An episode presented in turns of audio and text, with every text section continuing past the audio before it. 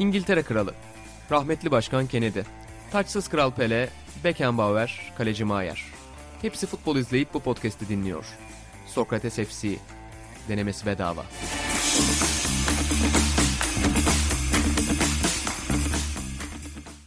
Sokrates'ten herkese merhabalar. Sokrates FC'nin yeni bölümünde ben İnan Özdemir, İlan Özgen ve Atahan Altınordu'yla karşınızdayız efendim. Uzun bir ara vermiştik aslında karantina döneminde. Futbol gündeminin o yoğun atmosferi içerisinde biz de biraz e, evimize kapanalım dedik. Bu süreçte farklı podcastler yapabilirdik ki zaten Sokrates Podcast'te işler devam etti ama e, çeşitli başka ufak e, problemler nedeniyle bugün e, kayıt alabilme şansımız oldu. Yani bizim üçümüzün bir araya gelmemesi sebebiyle böyle oldu. Atahan ve İlan hoş geldiniz öncelikle.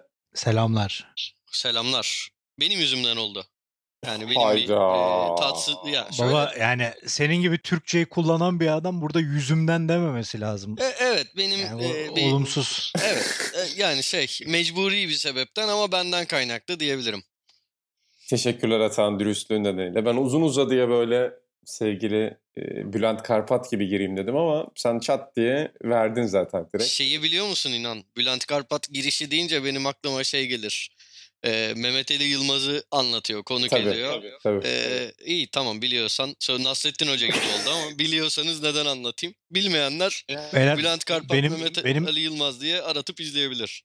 benim özel Bülent Karpat anım vardır. YouTube'a düşemiyor tabii ki haliyle. Çünkü bir görüntüsü yok. Birebir yaşadık. O da en az onun kadar komiktir. Nedir baba? Werder Bremen Galatasaray maçının biliyorsunuz sağ içi muhabiri Bülent Karpat. Kutay'la birlikte o dosyayı yaparken Bülent abimizin odasına gittik. Abdi İpekçi de o zaman odası. Girdik. Bülent abi bizi o sevecenliğiyle, babacanlığıyla karşıladı. Sonra dedi ki "E, e, çocuklar bir şey içmek ister misiniz dedi. Ben de biliyorsunuz fazla su içerim. Ya Bülent abi bir su olsa alırım dedim. "E, canım benim damacana orada kalk al dedi böyle. Daha dakika bir Bülent abi üstü onu konuşturdu. Kalktım suyumu aldım oturdum. Ben de iki şey söylemek isterim. Birincisi bu su içme muhabbetinde aklıma şu geldi. Şeyi hatırlar mısınız? Veya denk gelmiş miydi? Abdi İbrahim'in eee, patronu mu sahibi mi Nezih Barut'a bir doğum günü videosu çekilmişti. 12 dakika bütün çalışanlar sonra o internette her yerden sildirildi. Müthiş bir video. Yani bütün çalışanlar patronu eee, öve öve bitirememişler. Orada bir övgü böyle çok yetkili biri böyle takım elbise giymiş anısını anlatıyor. Eee Nezih Bey siz hatırlamazsınız diyor. Eee, bundan 14-15 yıl önce evinize gelmiştik eşimle beraber. Eee, misafirlikte kendi ellerinizle bana içki ikram etmiştiniz. İşte siz böyle bir insansınız falan diye onu, onu övüyordu.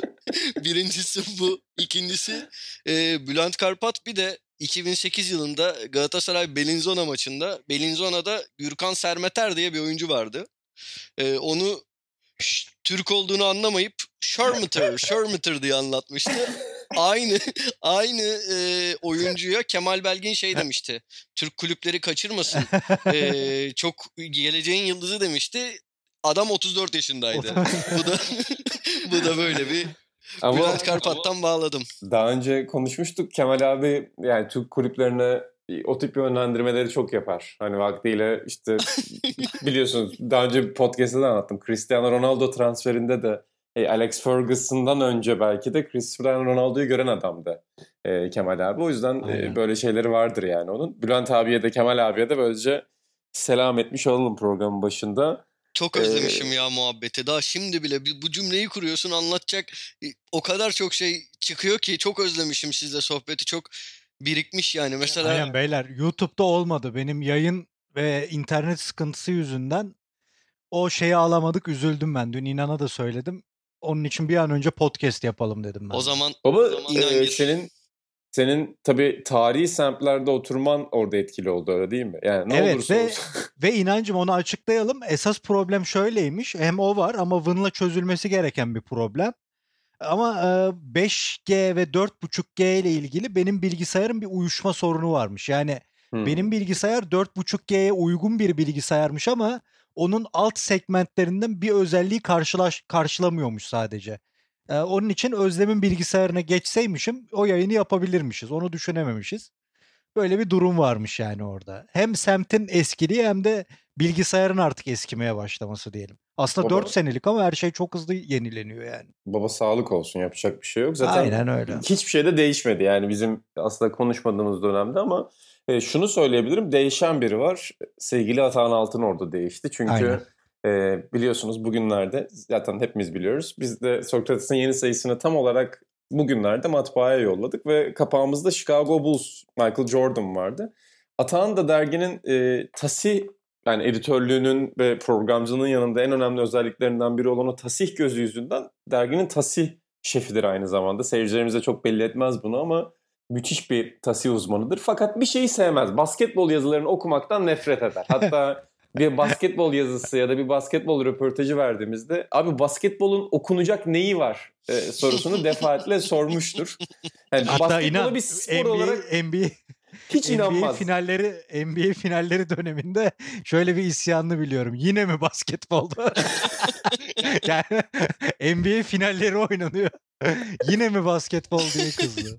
Bir de felsefesi orada çok iyi. Zaten Atan ki bunu Canon Duygu da hep söyler. Basketbolun yanlış bir oyun olduğunu iddia eder. Yani der ki skor zaten bir noktada berabere geliyor. O yüzden bu maçların izlenmesinin yani uzun süre izlenmesinin mantığı yok. Sonuçta 40 dakika maç 35. dakikada zaten beraber olacak diyor. İkincisi de özel isimler var. Değil mi Atan? Sen o yüzden sevmiyorsun. Yani özel isimler, insan ismi, teknik terim. Neydi sevmeme nedenin?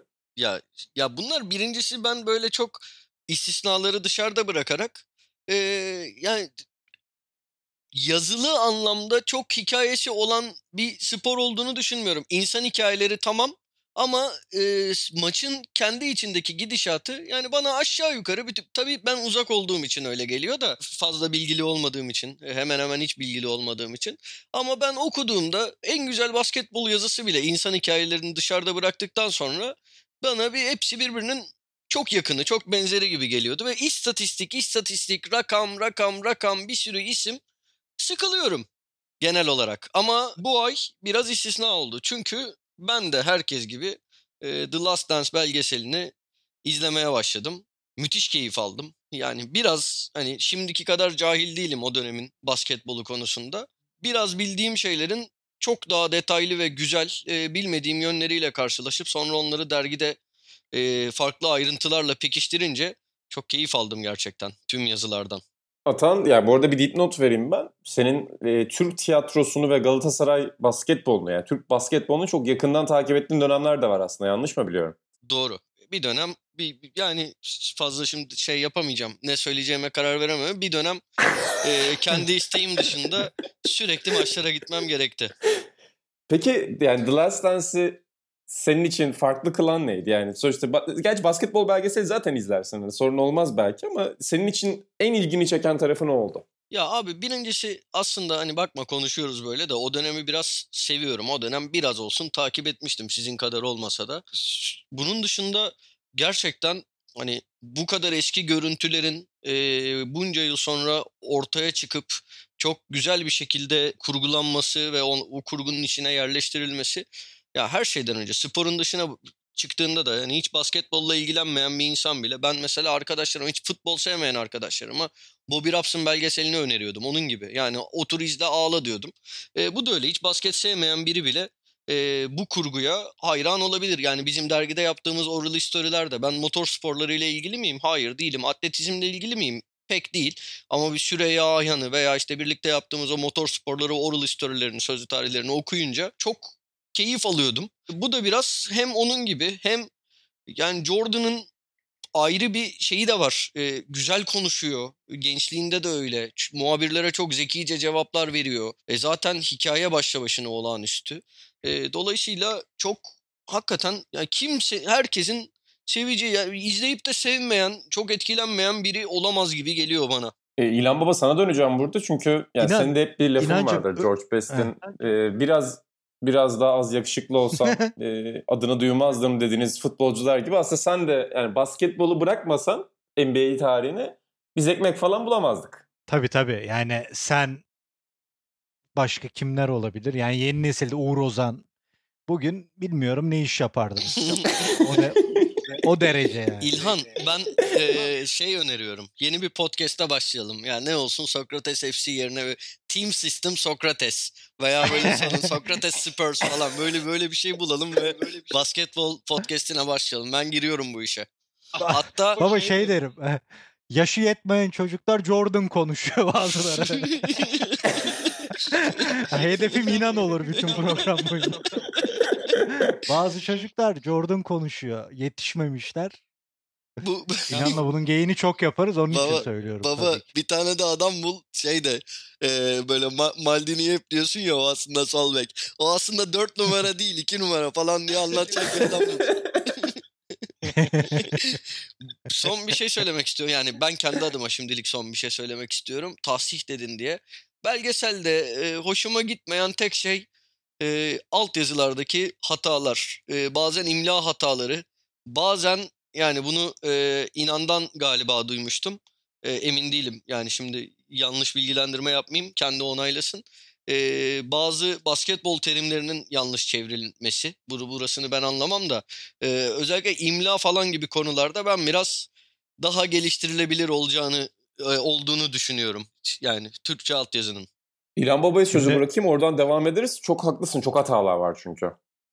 İnan şimdi bunu sen söyledin. Buğra yazdı Twitter'da. İkiniz de basketbolda yeni neslin önemli eee, konuşmacısı, anlatıcısı, yazarlarındansınız.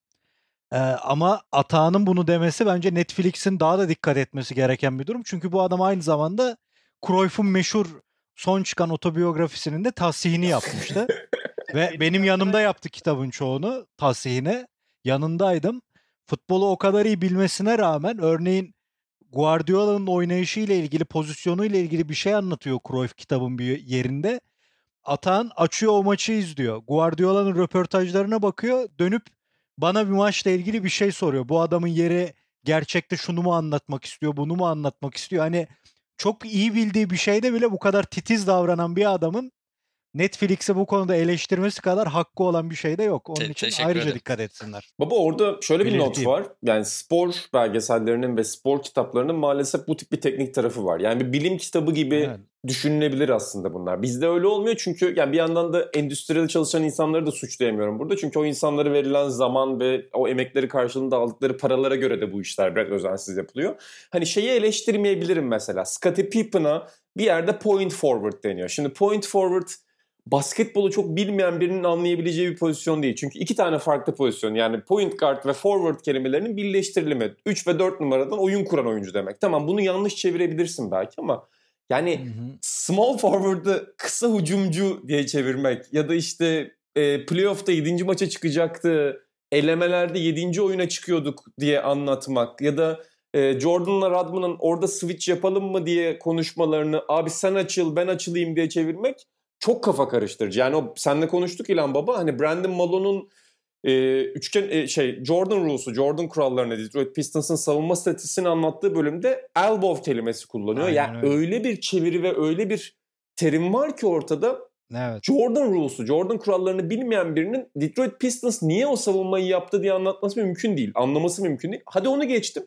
Her şey çevrilmiş, paint çevrilmemiş. Yani basketbolun Hmm, en çok bilinen evet. tabirlerinden biri. Aynen abi boyalı, Boyalı alana alan. sokmama aynen öyle. Ve hani şey oluyor. Biz Jordan'ı paint'e sokmuyorduk. Jordan paint'e geldiğinde dayak yiyor diyor. Ulan Evet. paint niye kalmış? Yani orada playoff bile çevrilmiş, paint kalmış. Böyle garip garip saçmalıklar var. O, o tarafı kötü maalesef. Yani bu her belgesel için geçerli. Sunderland Till da var, Bobby Robson'da da var. Yani bizde mesela sayı atmak değil, sayı almak, oyun yapmak falan böyle garip çeviriler oluyor. Maalesef yani asgari düzeyden azından spor bilen insanların bunları müdahale ediyor pozisyonda olabilmesi lazım. Kesinlikle ve ben bunun hayatta dersini çok küçük yaşta almış bir insanım. Yani İngilizce bilmenin spor İngilizcesi bilmek olmadığını daha 7-8 yaşlarında öğrenmiştim. Bu yaşlarda hala bu tecrübeye devam etmem kötü oluyor. Peki baba senin ilgini çeken senin ha e, hangi terimi hatırlıyorsun? Ya bi- bizim kahramanla deli gibi oynadığımız ve basketbol sevmemizde yani %30 babamdır. İşte %50, %60'da payı olan bir oyun vardı. Tecmo NBA diye. 91-92 sezonu NBA sezonunu full oynuyordun Atari'de Micro Genius'ta. orada ya oyun öyle bir oyundu ki ya döneme göre bütün kadrolar sağ her şey vardı. Gene buldum gene oynuyorum bu dönemde işte. Sezon açabiliyorsun, All Star oynayabiliyorsun filan. Orada setler vardı. Her takımın setlerini oynayabiliyordun tuşlara basarak. Mesela pick and roll seti vardı. Annem benim İngilizce öğretmeni. İngilizcesi fena değildi ya öğretmen filan. Okul bitirmiş. Ya pick and roll'ü give and go'yu filan bize anlatamıyordu yani. E ne demek şimdi? Tamam give and go tamam. Türkçesini söylüyor ama sana anlatamıyor şey. Yani onun farklı bir şey olduğunu o zaman anlamıştık. Yani spor e, dili bilmek farklı bir şey diye. Ya bu da ona benziyor işte. Yani elbow'u çevirememesi, paint'i çevirememesi. Belki İngilizcesi senin benim 10 katım onu yapan insanın ama orada onun a, hakim olmaması acayip kulak tırmalıyor, göz tırmalıyor. Belgeselde baba senin ilgini çeken taraflar neydi? Sen özellikle o 80 son 90 başı sadece basketbol için değil tüm spor için herhalde senin en sevdiğin dönem değil mi? Tabii sabitlenmesi gereken dönem. Çünkü her şeyin kıvamı yerinde abi. Sertlik de yerinde, teknik de yerinde. Yani her şey terazide eşit. Çünkü şimdi 70'lerde tamam basketbolda da fena değildir benim o, o tarafa bilgim. Yetenekler var. Futbolda biraz daha fazla bilgim. Evet çok yetenek var. Ama oyundaki o tempo düşüklüğünü falan bazen gözünü böyle tırmalayabiliyor. 80'lerde bu kırılmaya başlıyor. Ama 80 sonu 90 başında bütün her şey dengede kalıyor. Her şey dengede abi. Ondan sonra sertliği azaltıyorlar, tekniği düşürüyorlar, kondisyon artıyor, terazi kaymaya başlıyor. Bence her şeyin kıvamında olduğu dönem. Bir de bahsettiğim gibi yani ben Twitter'da çok fazla gündem olunca soğuyorum böyle şeylerden. Mesela Sunder, Sunderland belgeselini falan izlemedim hala. Sadece bu, bu ayki yazımla ilgili ufak bir yerine baktım. E, Raps'ın belgeseli neyse ki ünlü olmadan izlemiştim. O, gönül rahatlığıyla izledim. Bu Last Dance'i onun için izleyememiştim. Yani bakmak istemiyordum ama işte 92 playoff'larını izlemeye başladım bir yandan. Tekmo NBA'yi oynamaya başladım. Bizim de yazılar gelmeye başladı. O gazda açtım. İlk 3 bölümü bitirdim sadece şu anda. Son bölüm duruyor. Benim en çok sevdiğim şey sadece Jordan'da kalmamaları olmuş. Senle de bunu konuşuyoruz. Misal ben o Detroit'in çok hakkı yenen bir takım olduğunu, Isaiah Thomas'ın çok hakkı yenen bir yetenek olduğunu düşünürüm. Bölümün yani Dennis Rodman için ayrılmış bir bölüm gibi giriyorsun ama içinde sana Detroit'in hikayesini, Detroit'in o Magic Bird hikayesini nasıl değiştirdiğini, NBA'yi nasıl değiştirdiğini ama bir yandan hani 82 İtalya ya da 80'ler İtalyan futboluyla çok benzetirim. Onlar çok sert oynardı. Hayır abi o zaman oyun sertti. Bir yandan onu da veriyor. Oyunun nasıl olduğunu, NBA'in nasıl geliştiğini, Stern'ün nasıl değiştirmek istediğini ufak ufak bilgilerle kafana sokuyor. Yani kurguda ona çok dikkat etmişler ve oradan her şey çok güzel ilerlemiş. Onun dışında eski görüntüler zaten Amerikalı ya da İngilizsen beni çok şaşırtmıyor abi artık. Herifler inanılmaz bir arşivcilik refleksiyle hareket ediyorlar ve acayip şeyler karşına çıkarıyorlar. E Jordan babanın da sülalesi dahil herkese konuşun emrini vermiş zaten. Yani zaten Jordan'ın son döneminde röportaj vermesi başlı başına büyük bir olay. Ayrıca eski dönem yıldızı çok samimi. Sana kokain partisini de anlatabiliyor. Kadınlarla ilgili bir şey de diyebiliyor. Dennis Rodman'ın e, manyaklığından da bahsedebiliyor. Hiçbir şey saklamıyorlar.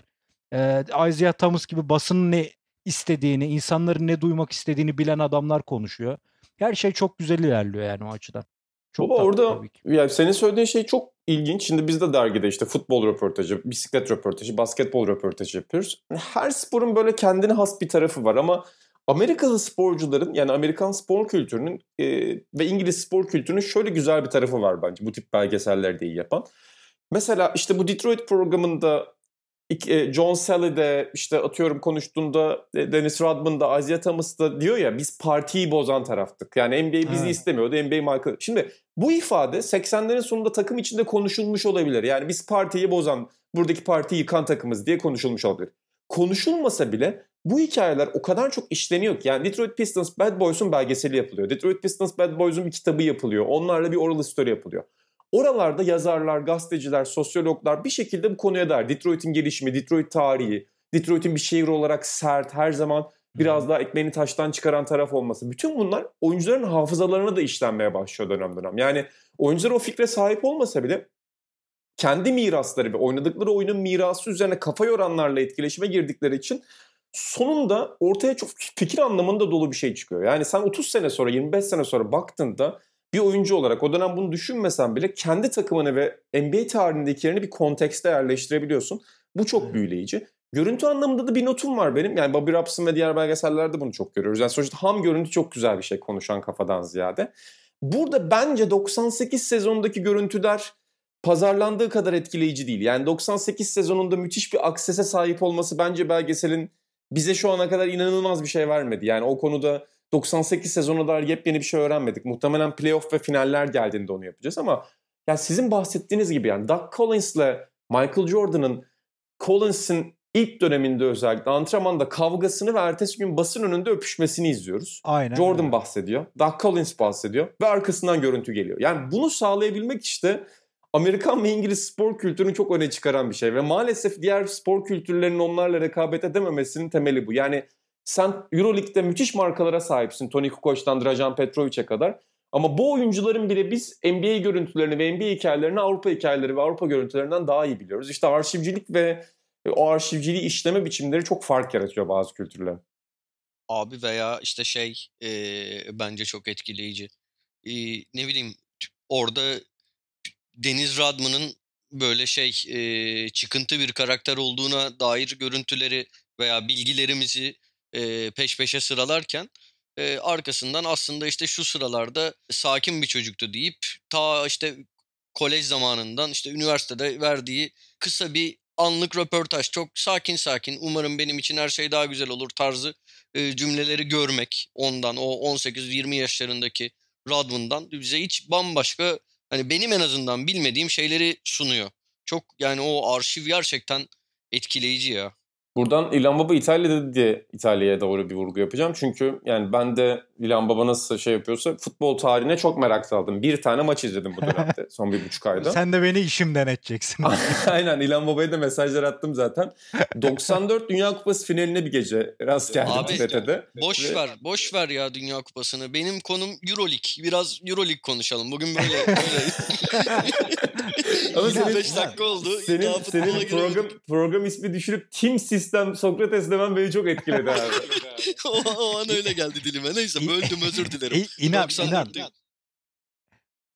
Buyur İnan, baba. şeyi so- ben Atahan'a şunu sormak istiyorum. Kendisi kaşındı şu anda. Yani kendi kafama soktu onu. Şimdi Atahan biliyorsun bu saç baş olaylarında çok takıntılı adamdır. Yani kılık, kıyafet. Bana bile Hı hı. bir süre ısınamamıştı biliyorsun İspanyol paçalarım yüzünden filan. E, Şimdi şunu düşünelim. Chicago Bulls'ta birinci adam Michael Jordan. ikinci adam Atahan Altınordu. Üçüncü adam Scottie Pippen. Ve ortada bir Rodman durumu var. Yani Rodman takıma gelecek. Atahan buna ne gibi bir tepki verir? Yani San Antonio'dan Dennis Rodman'ın alınmasına ne der Atahan Altınordu? Bu hayat yapısında bu Abi- bir adamın gelmesine. Şimdi eee, hafızamı şöyle bir yokladığımda o günkü Chicago'yu düşünüyorum. Şimdi ben o takımın bir parçasıyım. Evet çok yetenekli oyunculardan kurulu bir takımız ama kirli işleri yapacak birine o sertliği gösterebilecek, rakibin sinirini bozabilecek, onları yıldırabilecek birine ihtiyacımız varsa ve bu bir takım oyunuysa burada ben kişisel düşüncelerimi işin içine katmam ve e, Radman'ın gelmesine olumlu yönde oy kullanırdım. Çünkü kaldı ki yani Detroit zamanından önceki yıllardan Radman'la da karşılaşmış ve onun o sindiriciliğini e, fazlasıyla görmüş, tecrübe etmiş olacaktım. Dolayısıyla görüyorsunuz NBA tarihi burada konuşuyor. Bu Umarım arada- yeterli ama cevap bitti. olmuştur. Bu arada Ama bitti bunlar. Bitti ya. Bu ekmek yok kalmadı artık. Bitti ya. Bunları gözümüzde büyütmüşüz. İnan, Aynen. ya, inan, inan. Bu kadar bunlar- baba işte. Valla sıra ya Ka- Kaan Kural falan var. Onu da bitireceğim. Yakın. Atan bu arada bir şey söyleyeceğim. Yani 90'lar Chicago Bulls pek çok açıdan sana çok uygun. Yani e, belgeselde de görmüşsündür. Sürekli kağıt oyunu falan oynuyorlar. Ah abi gördüm ya. Adam ya şey işte demin Las Vegas'a falan gidiyor. Herif kafasını şey yapmak için açma. Ya çok vallahi güzel hikayeler. Ben de şey yapacağım. Bu e, bu duygularla bekalarla akşam konuştuk. Artık yıldım yani oyunsuzluktan. Gideceğim kırtasiyeden böyle sakin bir zamanda okey takımı alacağım da 101'e başlayacağız. Sıkıldım ya. Bu- Yani- Kırtasiyede sakin zamanı kol diyorlar. Kırtasiyede niye sıra olsun zaten? Baba vallahi şu an ben e, şöyle bir e, tezim var. İlk bu sokağa çıkma yasağı çıktığından beri ilk geceyi saymıyorum o gece evden çıkmak zorunda kaldığım ilk günde hastanedeydim. O gün düşünemedim. Ee, eve dönüşüm gerçekten çok çok zor oldu. Feci benim hayatımın çok enteresan bir gecesiydi. Fakat sonrasında bu sokağa çıkma yasağını sorgulayınca Sencer'e şey demiştim. Abi bence bunun bizdeki etkisi şey olabilir. Diğer günlerde insanların ha bugün zaten yasak yok deyip bütün tedbirleri Aynen. elden bırakmasına neden olabilir diye düşünüyordum. Ee, yani şu an bakıyorum gerçekten tıklım tıklım sokaklar. Tabii ki zor, e, zorunlu olarak çıkan, işine gitmek zorunda olan insanlar da var ama yani gördüğüm kadarıyla herkes öyle değil. Artık hani sokağa çıkma yasağı olmayan günler normal günler gibi oluyor. Dolayısıyla biraz boş anı kollamak gerekir diye düşünüyorum. Okey oy- oynamak istiyorsan ama değil mi? Yani temel oyunu ne olacak? 101. Okey çok dümdüz oyun. Ondan ben bile sıkılıyorum ama Ha. 101 oynamayı çok özledim. Çok yani inanılmaz özledim ya. Bir de yani o takımın sana uyan tarafı hatta sadece uçakta uçakta oynamıyorlar. Yani çok ünlüdür zaten seyircilerimiz de biliyordur. Yani Jordan'ın playoff maçları arasında gece işte Atlantic City'ye gidip New York serisi de 93'te kumar oynadığı işte birine 500 bin dolar borcu oldu diğerine 300 bin dolar borcu oldu ki davaya çıkmıştı bir tane kriminalle bu tip bir işe girip. Yani sen net o takımda olsan yani Jordan kadar kazanamayacaktın muhtemelen sana bir 3 milyon falan verirlerdi. Ama o 3 milyonla güzel iş yapardın o takımda.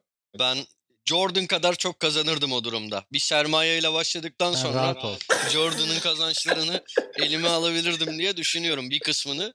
Ee, bu arada inancım bir hikaye vardır belki bilmezsin. Ya yılların herhalde şehir efsanesi bu. Jo- Jordan kaybetmeyi öğrenmek için psikoloğunun tavsiyesiyle kumara başlamış. Böyle bir bu şehir efsanesi mi gerçek mi inan? Yok abi yani Jordan yani belki psikoloğa da tavsiye etmiş olabilir de Jordan zaten yani 9 yaşından itibaren kazanmakla ve rekabet etmekle takıntılı olan bir yani golf, poker, masa tenisi hiçbir şey değişmiyor yani. Şu an bile hala hayatında en büyük çözemediği problemin hep olduğunu söyler yani. Bu arada bir özelliğini Profesyonelliğe, profesyonelliğe yansımamış ama Atahan da öyle yani. Benzeşen yönleri var. Baba bir özelliği de şu, e, sana söylemiştim bunu. Jordan da uyurken ses istiyormuş ve televizyon açıyormuş. e, Cowboy filmlerini Süper açıp Baba 23. bölüm. Cowboy filmlerini izleyip uyuyormuş hatta. Normal uyuyamıyormuş mesela. Abi ulan Düşünsene idmana gidiyor. Pippen. Pippen'a Scotty. Fiko diye bir adam var. Müthiş bir adam ya. Atahan gibi. Harika dizi abi ya. Hayat bu. Yani işte şey e, İstanbul'da şey yoktu ki kolej basketbolu yok, yoktu ki biz şey olalım NBA yıldızı olalım. Evet yani neredeyse yetenek, boy, fizik ve e, hani çalışma, bu basketbol sahasında çalışma arzusu dışında her şeye sahipsin Jordan'da. Özellikle olan. son- sonuncusu. bu, bu arada e, inancım bir de Jordan'ın bir sözü vardır. Bu da şehir efsanesi mi bilmiyorum ama e, yılmamayı öğretir. Kariyerimde işte 10 binden fazla atış kaçırdım. E, yüzlerce maç kaybettim. Bir işte bilmem kaç rebound. Bu, bu laf gerçek mi? Evet abi yani o, Güzel o laf laf bu. şey lafı gibi bu arada. Her sporcuda var o laftan bir tane. Jordan'da da var ama orijinallerinden biri Jordan'a ait abi. Güzel ben beğeniyorum o lafı. Abi zaten abi bir alıntı makinesi. Yani Amerikan tarihinin en büyük sporcunun en önemli yanı hepsinin inanılmaz alıntılar yapabiliyor olması. Yani doğuştan bir karizma herhalde o yeteneğe eşlik etmek zorunda. Yani birçok mesela büyük futbolcuda görmediğimiz bir şey. Yani Lionel Messi ağzını açtığı an Lionel Messi'nin ilginç bir şey söyleme ihtimali yüzde bir mesela. Cristiano Ronaldo için de aynısı geçerli.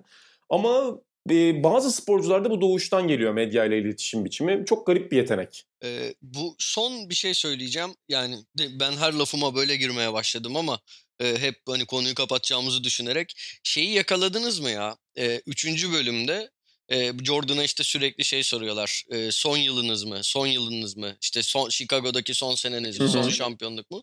En son bir muhabir e, Sencer Yücel şakası yapıyor. Bana son yılım sorusunu artık sormayın deyince peki gelecek yıl hakkında ne düşünüyorsunuz diye yakaladınız mı? Abi ben orada şey gazeteci tribini çok sevdim. Ee, bir de o sporcuyu anlıyor gibi görünen bir gazeteci tribi vardır ya. Evet evet. Çok yoruldunuz biliyorum. Ee, beyefendi. Türk siyasetinde de öyle sorular vardır. Beyefendi işte e, Sayın Cumhurbaşkanımız çok yoruldunuz, çok sıkıldınız, bu konudan çok yıldınız biliyoruz ama hep soruluyor diye.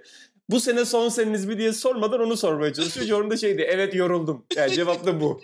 Abi bu arada röportajlarda benzer şeyleri bazen ben de yaparım böyle şeyden emin olmayınca. E, şimdi çok sormak istediğim ama tartışmalı bir konu. Mesela atıyorum böyle bir e, iki oyuncu arasındaki kavga, anlaşmazlık, geçmişten bugüne çok aydınlatılmamış e, bir olay olduğu zaman ya diyorum işte sizi yani duruma göre böyle bir nabız yok diyorum. Ya bu da size çok soruluyor ama işte yıllardır hiç de doğru yani böyle kendimi onun yanında hissettirerek bazen cevap almaya çalıştığım oluyor. Yani bu böyle yalakalık gibi değil bilmiyorum anlatabildim mi? Evet Atan, zaten Atan'ın özellikle futbol tarihi röportajlarındaki ilginç sorularını İlan Özgen çok yakından bilir. Beklenmeyen anda. Beklenmeyen anda sinirlenmek, üzülmek, yıkılmak. Aykut Kocaman'dan Oğuz Çetin'e birçok e, Fenerbahçe efsanesi e, bunu yaşamıştır e, sohbetler sırasında. Evet baba Ya ben de... o- Ha, söyle ben de senden bir anı soracaktım bu konuda. Yani onunla ilgili benim en büyük Atahan Hanım'ı anlatamıyorum. Yani public bir anı değil. O artı 18'in de artısı. Onun için çok içimde kalıyor ama Semih Yuva kuran röportajında var öyle bir şey. E- en çok güldüğüm Atahan anısı odur bende. Çok bir soru çünkü yani. bir anda. Ama Semih abi muhabbetli adamdı. Bize yanıt verdi. Tabii canım inanılmaz. Keşke inanılmaz. yazabilseydik. Geçen Wembley yazısını yazarken o hatırlıyorum yani Wembley konuştuğumuz o röportajın hepsine kesilmemişini bir daha okudum da çok komik yerler var hakikaten. Yani çok güldüğümüzü okurken bile anladım. Ah baba bu korona çıkmasa Semih abi de 90'lar partisine gelecekti. Gerçekten güzel yani neyse yaparız yine. Bugünler geçer yaparız. Olur, olur. Aynen. Takım elbise giyecek misin? Ya o Faruk Başkan'a özeldi şimdi. Faruk Başkan'ın karşısına da böyle ayılı maymunlu tişörtlerle çıkamazdım. Dolayısıyla öyle bir Faruk Başkan'a özel bir e, takım elbise giydim şey de gelecekti Alişan Başkan. Ona da artık ne yapayım böyle havai gömlek pro falan belki düşünürdük ama artık tekrar bütün bu iletişimleri kurmak gerekecek. Alişan olay yaratır yalnız Vallahi yani. keşke keşke. Ee, hep Olay her her konuda her konuya dair bir şey söyleyebilir. E, 70'lerden itibaren tüm dünyada Aynen. yaşanan Ve adamın Yani- yakın arkadaşı Boris Yeltsin. Yani Evet. bu nasıl bir hayat? Ya inanın e, ben seni böldüm. Üstüne 20 dakika daha basketbol basketbol konuştuk ama do- yani maske, küçümsediğim için söylemiyorum. Basketbol bundan sonra ana ana branşımdı. ama e, 94 Dünya Kupası finali diyordun. Evet baba yani e, izledim finali, gördüm İtalya'yı da. E, Baresi Evet. özellikle dikkatimi çekti. Yani e, orada şey diyesim geldi. Bizim Türk kulüpleri neden e, böyle yetenekleri bulmuyorlar ve böyle yetenekleri işlemiyorlar diye. E, ama e, şey demek isterim yani bugünlerde çok heyecan yarattı. İşte dün de 98 Dünya Kupası'nda Brezilya İskoçya açılış maçı vardı ki İbrahim Tatlıses'in de e, berberde saçını kestirirken izlediği ve keyiflandığı bir mücadeledir. E, 94'ü soracaktım ben sana. Yani o finale mesela o finale dair senin kafandaki en acayip not nedir? Çünkü baktığımızda çok vasat bir final bir yandan. Ama çok komik Vas- yani detayları çok da var kibar- kendi içinde. Çok kibar konuşuyorsun. Vasat filan. Bayağı kibar demişler bu finalle ilgili. İğrenç bir finaldi. Yani ben o finali izlediğimde o kadar def, yani defans kurgusu şu bu bilmiyordum. Ben Baggio için İtalya'yı tutuyordum. 93 yılında kendisiyle tanıştım ve Baggio yüzünden İtalya'yı tutuyordum ama daha sonraları işim gereği şu şunun bunun yüzünden o finali tekrar tekrar izlediğimde bir yerde Baresi'ye dikkat ediyorsun. Zaten hani Baresi de benim İtalya'yı sevme nedenlerimden biriydi ama yani o, o an onu hissedemiyorsun çocukken izlerken. Sonra bakınca işte herifin sakatlığı, sakat sakat oynaması, turnuvanın en formda e, forvetlerinden Romario'yla acayip bir mücadelesi, sonra gidip penaltıyı kaçırması ve Baggio'ya göre daha net bir penaltıcı olması falan filan başka hikayeler çıkıyor karşına. Onun dışında da İtalya zaten Baggio'nun performansı yüzünden oraya gitmiş bir takımdı. Çok kötü oynayan bir İtalya'ydı ki bir önceki 90 İtalya'da bana göre Dünya Kupası tarihinin en iyi futbol oynayan İtalya'sıdır. Yani Sacchi Vicini'nin 20'li 19-18 yaş civarı aldığı ve 90 tak, e, Dünya Kupası'na götürdüğü takımı kendi egoları yüzünden dağıtıp bambaşka bir şey yaratıp saçma sapan bir şey çıkarmıştı ortaya. Zaten Brezilya'nın değişimi meyişimi diyoruz ama yani Romario gibi, Branco gibi, Jun, e, Juninho gibi, şey Jorginho gibi, Tafarel gibi Brezilyan futbolunda Aldair gibi önemli oyuncuların olduğu Rai gibi önemli bir takımdı. şampiyon olması isabet olmuştu ama keyifli miydi 94 dersen Romanya Arjantin maçı, Romanya İsveç maçı dışında ben öyle çok keyif aldım. Biraz Nijerya maçları grupta öyle bir maçta hatırlamıyorum. Yani genel olarak sıkıcı bir turnuvaydı. Finalde öyle geçti zaten. Atan sen hatırlıyor musun 94'ü yoksa ilk Dünya Kupan 98 mi? Yok hatırlıyorum. Şimdi 98 kadar net hatırlamıyorum ama e, hatırlıyorum. Hatta Dünya Kupası'na dair ilk hatırladığım şey kupadan önce Amerikalıların formatı değiştirmek istemesiydi. Bu reklamlar için yani yayının daha ilgi çekici ve Amerikan televizyon formatına uyması için cümleyi düşük tuttum. ilgi çekici olması için periyotlar halinde oynanmasını teklif etmişlerdi. Gazetelerde okuduğum kadarıyla o dönemden aklımda kalan bir şey. Tabii ki FIFA bunu reddetti. Ee, ama yani bayağı ısrarcı olmuşlardı diye hatırlıyorum. Her gün gazetede yazıyor. Bunun dışında tabii ki finali çok iyi hatırlıyorum. İlhan'ın dediği, e, İlhan söyledi yani benden önce. Nijerya maçları ilgimi çekiyordu. Hollanda ilgimi çekiyordu e, çok fazla. Aa özür dilerim Atan. Hollanda Brezilya maçı çok güzel maçtı. Onu unuttum bak Hollanda deyince. İlhan, 3-2. İlhan, güzel maçtı. E, bende o maçın yani şey anısı var. Ben yani benim için çok sevdiğim bir futbol anı. Vasat bir şey anlatacağım ama kısaca babamla izliyorduk o maçı. Ben Hollanda'yı çok sevmiştim. Yani birçok insan aslında hem hani estetik futboldan hem renginin de etkisi olduğunu düşünüyorum. Hollanda'yı çok sevmişti. Ben Hollanda'yı tutuyordum ve Hollanda'nın kazanacağına inanmıştım. Babamla da futbol sohbetimiz çok azdır. Futbolla çok ilgilenmediği için. O gün hani uzun bir futbol sohbetine girdik. Ee, ben Hollanda'nın kazanacağı konusunda çok iddialıydım. Ee, Brezilyalıların da bu ya bunu bir, inşallah yayında falan konuşmamışızdır. Ben bunu yakın zamanda bir kez daha anlattım da belki sohbettedir. Bu bir adı var onu unuttum. Brezilyalıların böyle topun üstünden böyle ayaklarını geçirme hareketi vardır ya. Böyle sağa sola ayaklarını oynatırlar. Çalım öncesi hareket gibi sık sık yaparlar. Brezilyalıların o hareketlerini gör, ha, görüp ha. E, babam şey demişti. Ulan ben de seni futboldan anlıyorsun zannediyordum. Bu adamlar nasıl kaybetsin? Görmüyor musun hareketleri demişti. Ve Brezilya sonunda kazanınca babama mahcup olmuştum. O maç yani benim üzüldüğüm ama çok da keyif aldığım bir maç. Brezilya'da e, hakikaten güzel de tahmin yapmış baban. E, Brezilya'da yaldır yaldır geliyordu kanatlardan. Yani ben de burada ben bu finali bir kez daha izlemiştim daha önce çocukken ve yani şey imgesini hatırlıyorum. Roberto Baggio penaltı kaçırdı. Mesela Baresi'nin kaçırdığını ben bilmiyordum o, o dönem izlediğimde. Ki hatta bu sefer izlediğimde tekrar hatırladım açıkça söylemek gerekirse. İşte Roberto Baggio penaltı kaçırdığı imgesini hatırlıyorum ama maçın gidişatını bilmiyordum. Hakikaten de maç gitmiyormuş pek çok açıdan. Ee, onu gördüm Felaketti tekrardan. Ya. Çok sıkıcıydı. Ya, ama yani Brezilya'nın yani bir kafusu var ki sevgili Levent abimiz. Ki yedek ki yedek bek yani düşün. Aynen yani baba nasıl nasıl bir futbol ki şeyi düşünürüm yani ben. Ben 7 yaşındayken de 14 yaşındayken de 18 yaşındayken de böyle futbol oynayabilen bir oyuncu olması garip geliyor bana. Özel oyuncuydu ki ana bek esas bek Jorginho da çok iyi bir bekti. Ki Branco da yedek bekti. Leonardo'yu sol bek oynatıyorlardı. Amerika maçında herifin dirseğe basınca suratını o kırmızı kart görmüştü. Branco zaten 80 sonu 90 başı İtalya'da falan oynayan bir bekti. Çok iyi oyuncuydu. Hollanda maçında onun frikiyle aldılar.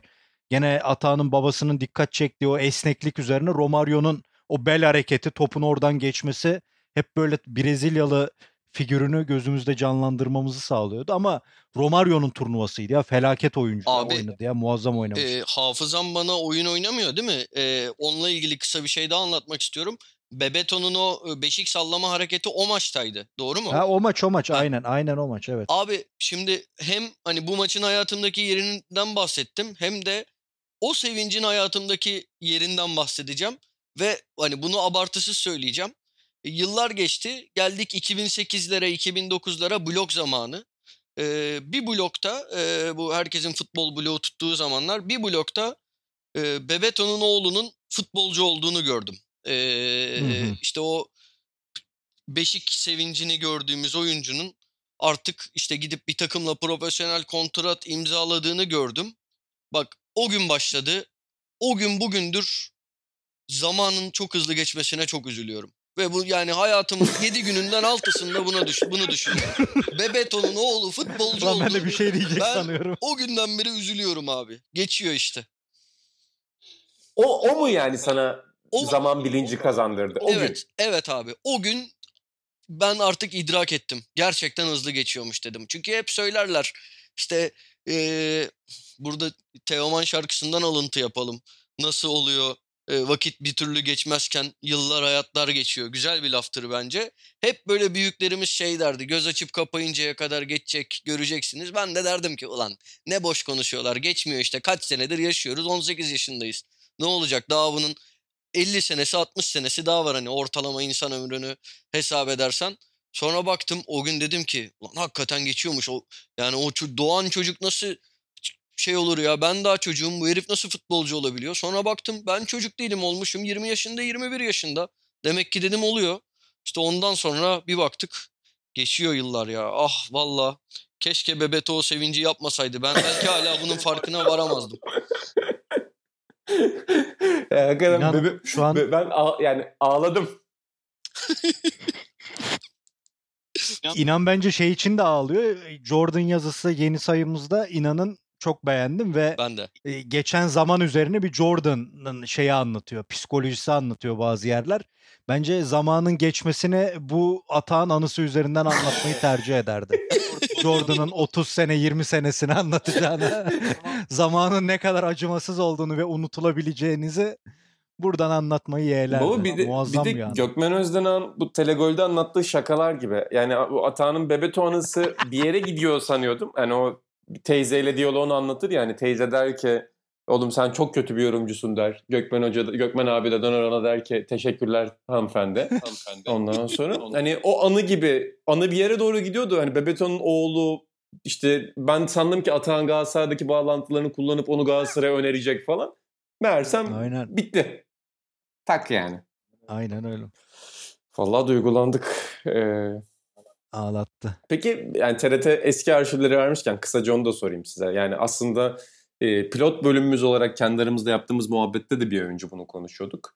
E, karantinanın bir ayı daha var gibi görünüyor. Yani bizdeki umarım e, normalleşme hızı ya da hastalığın e, hızlanma seviyesinin düşmesi anlatamadım terimleri. E, böyle devam eder ama yani en azından imkanı olanlar ve dışarıda işi olmayan bizim gibi evden işlerini halledebilenler için bir ay daha bir süre var insanlar izleyecek şeylerin sonuna geldiğini kendileri için söylüyorlar. Sizin futboldan, futbol tarihinden şu maç, şu kupa diye önereceğiniz neler olur?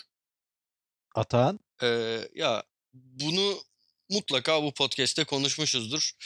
Ben Euro 2000'i çok severim. Ee, Euro 96 Bence de en iyi Avrupa şampiyonu. Euro 96 benim için ilk hani hatırladığım ama Euro 2000 çok güzeldi. Yani maç olarak bakarsak yani bir sürü maç var ama Hollanda, İtalya tekrarı olmayacak bir maç. E, onu söyleyebilirim. Turnuva olarak Euro 2000 diyebilirim yani. Ben de arada açıp izliyorum. Yani bu Senin karantina y- döneminde izledim. Yazım vardı değil mi sanki o maç üzerine bizim dergide? İkinci açma, sene... Açma onu. Açma. Çıkamayız içinden. O yazıyı açma. Niye? Ee, çocuk ekine yazdım abi ama... Hayır oğlum ya. Yok oğlum normal Hollanda İtalya yazın da vardı senin. Ha no, evet normalinde no, normalini de yazdım. Doğru haklısın pardon. Çocuk ekine de yazmıştım da e, normaline... Çocuk ekine, çocuk ekine göte yazın da seni hatırlıyoruz. Yani o... E, Ey zaman. Geçme dur o kadar güzelsin ki alıntın bir de şeyle hatırlıyoruz baba. Özellikle 7-8 yaş grubunu hedefleyen e, Sovyet Hollanda finalini e, Batı'nın Batı'nın materyalizmi ve kapitalizmine karşı Doğu'nun kolektivizmi üzerine anlattığı bir final vardı. Yani tam 7-8 yaş grubunu anlayabileceği bir üslupla anlatmıştı. Onu hatırlıyorum ben. Ya işin garibi yani ben pedagoji tarihini ama. Ya işin garibi ben böyle yazılar yazan bir adam değilim. Ben böyle yazmıyorum yazılarımı basit dille yazıyorum. Neden çocuklara böyle yazdım gerçekten onu hiç bilemiyorum ya. Onur şey yapmıştı. e, o zamanki ilk ofis'in yanındaki kırtasiyeden veya oyuncakçıdan bana bir oyuncak alıp oğlum demişti kitap ettiğin kitlenin e, ruh halini ve durumunu e, çalış diye sana bunu aldım deyip oyuncak getirmişti bana. Ve Atan çalıştı da o oyuncakta. Ork gibi bir şeydi böyle vurup Evet. Baba e, herkes bu arada yani genelde Avrupa kupaları, turnuvaları üzerinden konuşuyor ama senin çok hakim olduğum ve çok sevdiğim bir tarafta kulüp finalleri, kulüp e, önemli maçlarını sen çok takip ediyorsun. Mesela fut, e, basketbola nazaran futbolda öyle bir sanki tarihi bakış yok gibi. Yani mesela basketbolda insanlar milli turnuvaları tekrar açıp çok fazla izlemezler. Kulüp tarihine bakarlar. İşte Messina'nın 2000'ler başı takımını izler. Obradovic Panathinaikos'u, işte 90'lar 80'ler Detroit'i. Ama futbolda genelde kupalara gidiyor. Senin kulüp maçlarından önereceğin neler olur ya da kulüp sezonlarından? Ya o kupalara gitmesi çok normalinden çünkü Dünya Kupası dediğin şey apayrı bir kültür ve ülkeler üzerinden oynanıyor. Yani onun için insanların oraları merak etmesi. Misal ben TRT ellerine sağlık herkesin. Güzel bir şey yapıyordur tabii de. Abi Dünya Kupalarını zaten internette buluyorsun. Bu bu kadar büyütülecek bir şey değil. Bana 1979'daki Trabzonspor Fenerbahçe maçını göster. Hmm. Yani anlatabildim mi? Ya da Galatasaray'ın Dervalli dönemindeki şampiyonluk maçlarından birkaç tane göster. Siz verdiniz bunlar ya da İtalya Türkiye Sabri Dino'nun maçı TRT'den verilen ilk naklen e, yurt dışı maçı misal. Ya bunları görmek isterim ben. Ha, bunları bulamıyorum çünkü. Çok Yoksa, mantıklı söyledin şu an. Ya Dünya Kupaları ben kaç senedir programda da söylüyorum abi var hepsi yani. Hani aradığında buluyorsun. İzliyoruz da zaten. Kulüplerde yani takip ediyor değil mi? İşim gereği mecburen izliyorum hepsini. İzlemeye çalışıyorum. Ee, beni en çok etkileyenler 60'ları 60'lar programında söylemiştim. Manchester United Benfica. 60'lar futbolu biraz zordur izlemesi. Yani bence 70'lerde futbol izlenilebilecek bir şey olmaya başlıyor. Özellikle 70'lerin ikinci yarısından itibaren o küreselleşmesi filan başlıyor. Ama 60'larda United Benfica finali bence çağının çok ötesinde çok tempolu, çok zevkli bir final. 60'lardan onu öneririm. 70'lerden Ajax merakı olanlar Ajax'ın Inter maçına bakabilirler finaline. O futbolun zirve noktalarından biri oynanan oyun açısından. O önemlidir başka 77'de Liverpool Mönchengladbach maçı var. Benim 70'lerde en sevdiğim finaldir. Çok keyifli bir maç ve hani false nine falan filan Messi'yi oynattı Pep. Büyük bir dahi filan diyorlar. Abi onun öncesinde zaten Tostao Cruyff orada oynuyor. Mönchengladbach Liverpool maçında da Keegan'ı e, kısa forvet gibi kullanıyor Paisley. Öyle acayip bir e, dengesini bozma durumu var Mönchengladbach'ın. O çok güzel finaldir. 80'lerde favori finalim Steaua Bükreş şey olabilir. Güzel finaldir cidden. Milan yani Milan'ın futbolu açısından çok doyurucu bir futbol var. Liverpool Roma maçı çok güzel maçtır. Onları önerebilirim. 90'lardan da Dortmund Juventus'u önereyim ve Milan Barcelona'yı önereyim. İki favori finalim. Ee, bunları da e, ben bunu şundan söylüyorum. Birlikte yaptığımız YouTube yayınının ardından orada ses kesilmiş. Bana yani 8-9 kişi sordu İlhan'ın önerdiği site neydi diye. İlhan'ın önerdiği o site Futbolya. Futbolya.net. Buradan izleyebilirler dinleyenler değil mi İlhan? Aynen baba. Tabii baba ya bir de kulüpler misal zor bulunabiliyor ama bulunuyor. Ya milli maçlar zaten onlar da YouTube'dan Dailymotion'dan alıp yüklüyorlar misal. Yani kulüplerde futbolda daha derli toplu bir yer ama dünya kupaları falan her yerde dönüyor zaten. Ama toplu halde hiç uğraşmadan kısa kes diyorlarsa futbol yayı açıp her şeyi gayet derli toplu başlıklar altında muhteşem şekilde bulabilirler. Bir de orada sen bana şeyi göstermiştin. Yani atıyorum ee, kim diyeyim ya demin Bebeto konuştuk diye Bebeto diyeyim. Aramaya Bebeto'yu yazıyorsun. Bebeto'nun orada Aynen olan bütün maçları çıkıyor. Aynen. Bana kazandırdığın Öyle, yani süper bir hizmet. Evet. Ve Beton'un oğlu da belki oradadır. o, o ee, kadar Buradan... rapçi olamadı. Ben onu takip ediyorum. Ne oldu? Olmadı. Olmadı, Olmadı. yani. Yazık. O zaman çok teşekkür ediyorum ben de buradan size. Ee, Atahan Altınordu ve İlan Özgen'e. Yani hakikaten Bebeto üzdü hepimizi. Zamanın ne kadar hızlı geçtiğini bir kez daha anlamış olduk bu podcast'te de ve e, uzun bir süre sonra e, futbol gündemini yoğun bir şekilde tartıştığımız bir podcast'in sonuna gelmiş olduk. Ve ve senin ve senin hayatı sorgulaman gerektiğini yüzüne vurduk. Artık basketbolda iki rakibim var. Kendine yeni bir alan bul. Git yani. Aynen. Beyzbol mu izleyeceksin? Ne yapacaksın? Sen bilirsin Yap artık. Şey. Baba şey geldi aklıma benim de son olarak onu söylemek isterim. İşte bedelliye gittiğimde oradaki e, komutan doktor abilerimizden biri e, sağlık bölümünde çalışan. Ben acayip hasta olmuştum bir gün. Yani gerçekten çok kötü hasta olmuştum. Bana çok kritik bir soru sordu. Ee, NBA'de bu sene Golden mı şampiyon oldu diye, Golden mı aldı diye. ee, o, o da benim için mesela en sevdiğim yani basketbol konuşmaktan şu podcast kadar zevk aldığım anlardan biridir o. Golden mı aldı kısmı. E, hakikaten çok önemliydi iğne yapılırken. Oradan da Şimdi, e, doktor abi komutanımıza selam olsun. Şimdi abimize falan Belki değil. gözünden kaçmıştır bilmiyorsundur. Jordan beyzbola da bulaşıyor ya sonra ondan beyzbol dedim yani. Şimdi oraları kaçırdıysan daha belgeselde gelmedi. Oralar vardır. Çok bilinmez. Bir Atahan'la ben biliriz. Zor yani o işte. İnşallah ilerleyen bölümlerde baba. İnan, inan kapatmadan Aynen. bir şey sorabilir miyim? Ee, sen Sor, ne, son, ne, son. ceva- ne cevap verdin abi? Ee, abi ben çok kötüydüm. Yani ayıptır söylemesi ishal e, olmak kelimesinin yani fiilinin sınırlarını zorladığım bir gündü. Ne cevap verdim hatırlayamıyorum yani Golden sorusuna. Bana sonra yani NBA yorumcusu olduğumu öğrendiği için e, komutanımız ne kadar e, kazandığımı sormuştu. Ondan sonra orada yani sohbetin hatırladığım kısmı oydu ve yani acayip zengin bir portre vardı kafasında. Ee, hani Abi. e, o, o çok soruldu yani. Onu çok merak etti. Abi YouTube'da yaptığımız programın altında bir yorum görmüştüm. Ee, bu ekrandakiler ne kadar kazanıyor ee, diyor biri. Altına da şey diyor ee, başka biri. Ya 30-40'ları vardır, 30-40 binleri vardır diyor. Gü- Bize mi diyor? Güzelim ha, ha, bizim, ya benim haberim yok ondan ama güzel. 30 40. Ulan biz 40 bin kazansak adam kırtasiyeden okey alır. ya bu arada Adam yani- kırtasiyeye gitmeyi bekliyor galiba. O 40 bin lira maaşı var. Burada o zaman şununla bitireyim. Jordan'la başladık, Jordan'la bitireyim. Hadi bitir. Seni Ee, seviyoruz. Jordan'ın Jordan'ın orada önünde bir bardak var. Ee, siz bunu biliyorsunuzdur da ben bugün öğrendim. Ön, e, viski içtiğini düşünüyoruz. Aslında o viski değilmiş. E, tekilaymış ve şişesi 18 bin dolar mıymış? E, o tarz bir şeymiş. E, bu da böyle bir küçük bir bilgi olarak. Vallahi Canerelerin tweetlerini okumuyorsun galiba biz. Öyle mi Caner ya? abi- Caner abiden bunu Bak, e, bir sana hafta yemin önce ederim sana yemin ederim ben 3 haftada e, yani toplamda hadi abartmayayım 20 dakika falan Twitter'a girdim. Anladım E, anladım. Tamam sen kendini özür açıklarsın. buradan. Sen İnan- kendini İnan- açıklarsın. hani-. İnan trollerin şeyi var ya hoşuna gitmeyen bir tweetin altına emniyeti mentionlıyorlar. Ben de şu an bu cümlenin altına Caner abi. Yani Artık Ya, ona, Atağının anlatırsın. nelere maruz kalacağını. Mahvoluruz. Mahvoluruz. Artık onu anlatırsın Atan çünkü Bizi e, okumuyor musun So- Jojo? Sokrates'i okumadan Sokrates'i yapamazsın. Bunu da unutma. Son 3 haftada sosyal medya yoksa dergimizi okudum, dergimizi satır satır biliyorum deyip artık sana programı kapanman için e, şey yapıyorum. Özür dilerim çok kestim. Yok rica arada- ederim. Bu arada ben de Atan gibi uzatacağım çünkü çok özledim sizle konuşmayı. Hatta bu hafta bir tane daha yapalım ama şunu söylemeden geçmeyeyim. Kaç sayıdır çıkarıyoruz bu dergiyi.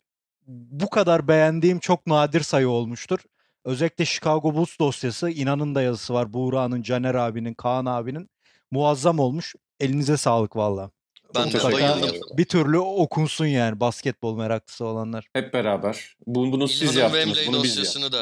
da İl- İlhan'ın Wembley dosyasını da e, Atan bir de neyi beğendim. beğendim biliyor musun baba? Teşekkür ederim de Kaan'ın röportajını çok beğendim ben. Kesinlikle, Değil kesinlikle mi? bir şey iki şey daha. Bir e, kendisine de mesaj attım. E, Başak'ın hafızayla ilgili e, röportajında e, yani röportajdan da ziyade yani röportaj güzel. Başak'ın girişi, yazıyı kurgulayışı müthiş hoşuma gitti. Çok beğendim. İkincisi son sayfada herhalde biz bu ay neredeydik dosyasındaydı yanlış hatırlamıyorsam. Küçücük bir paragraf Arhan Atapilavoğlu yazısının o Arhan'ın üslubunu çok beğendim. Bu iki şey de benim dergide en sevdiklerim arasında. O zaman buradan Kaan Demirel'e, e, Başak Can'a ve Aran Atapilavoğlu'na da e, selam edelim. Bülent Yıllar Karpat- geçiyor görüyorsun değil mi? Evet. Yıllar geçiyor bak. Bunlar bu arkadaşlarımız yok Bunlar. Şimdi derginin derginin eee, lokomotifi hepsi. Kaan'ı, Başak'ı, Arhan'ı. Ve Yıllar baba daha geçiyor. da acısı bu çocukların birçoğu Bebeton'un oğlundan bile küçükler düşün yani. Vallahi billahi ya. Ya. İnanılmaz. Ruhat dediğin 99'lu. Ama Aynen öyle. Zaman geçiyor. Zaman geçiyor zaten. ey zaman ne olursun geçme dur. Göte alıntısıyla bitirdim. O zaman yeni bölümde görüşmek üzere diyelim efendim. Hoşçakalın. Hoşçakalın.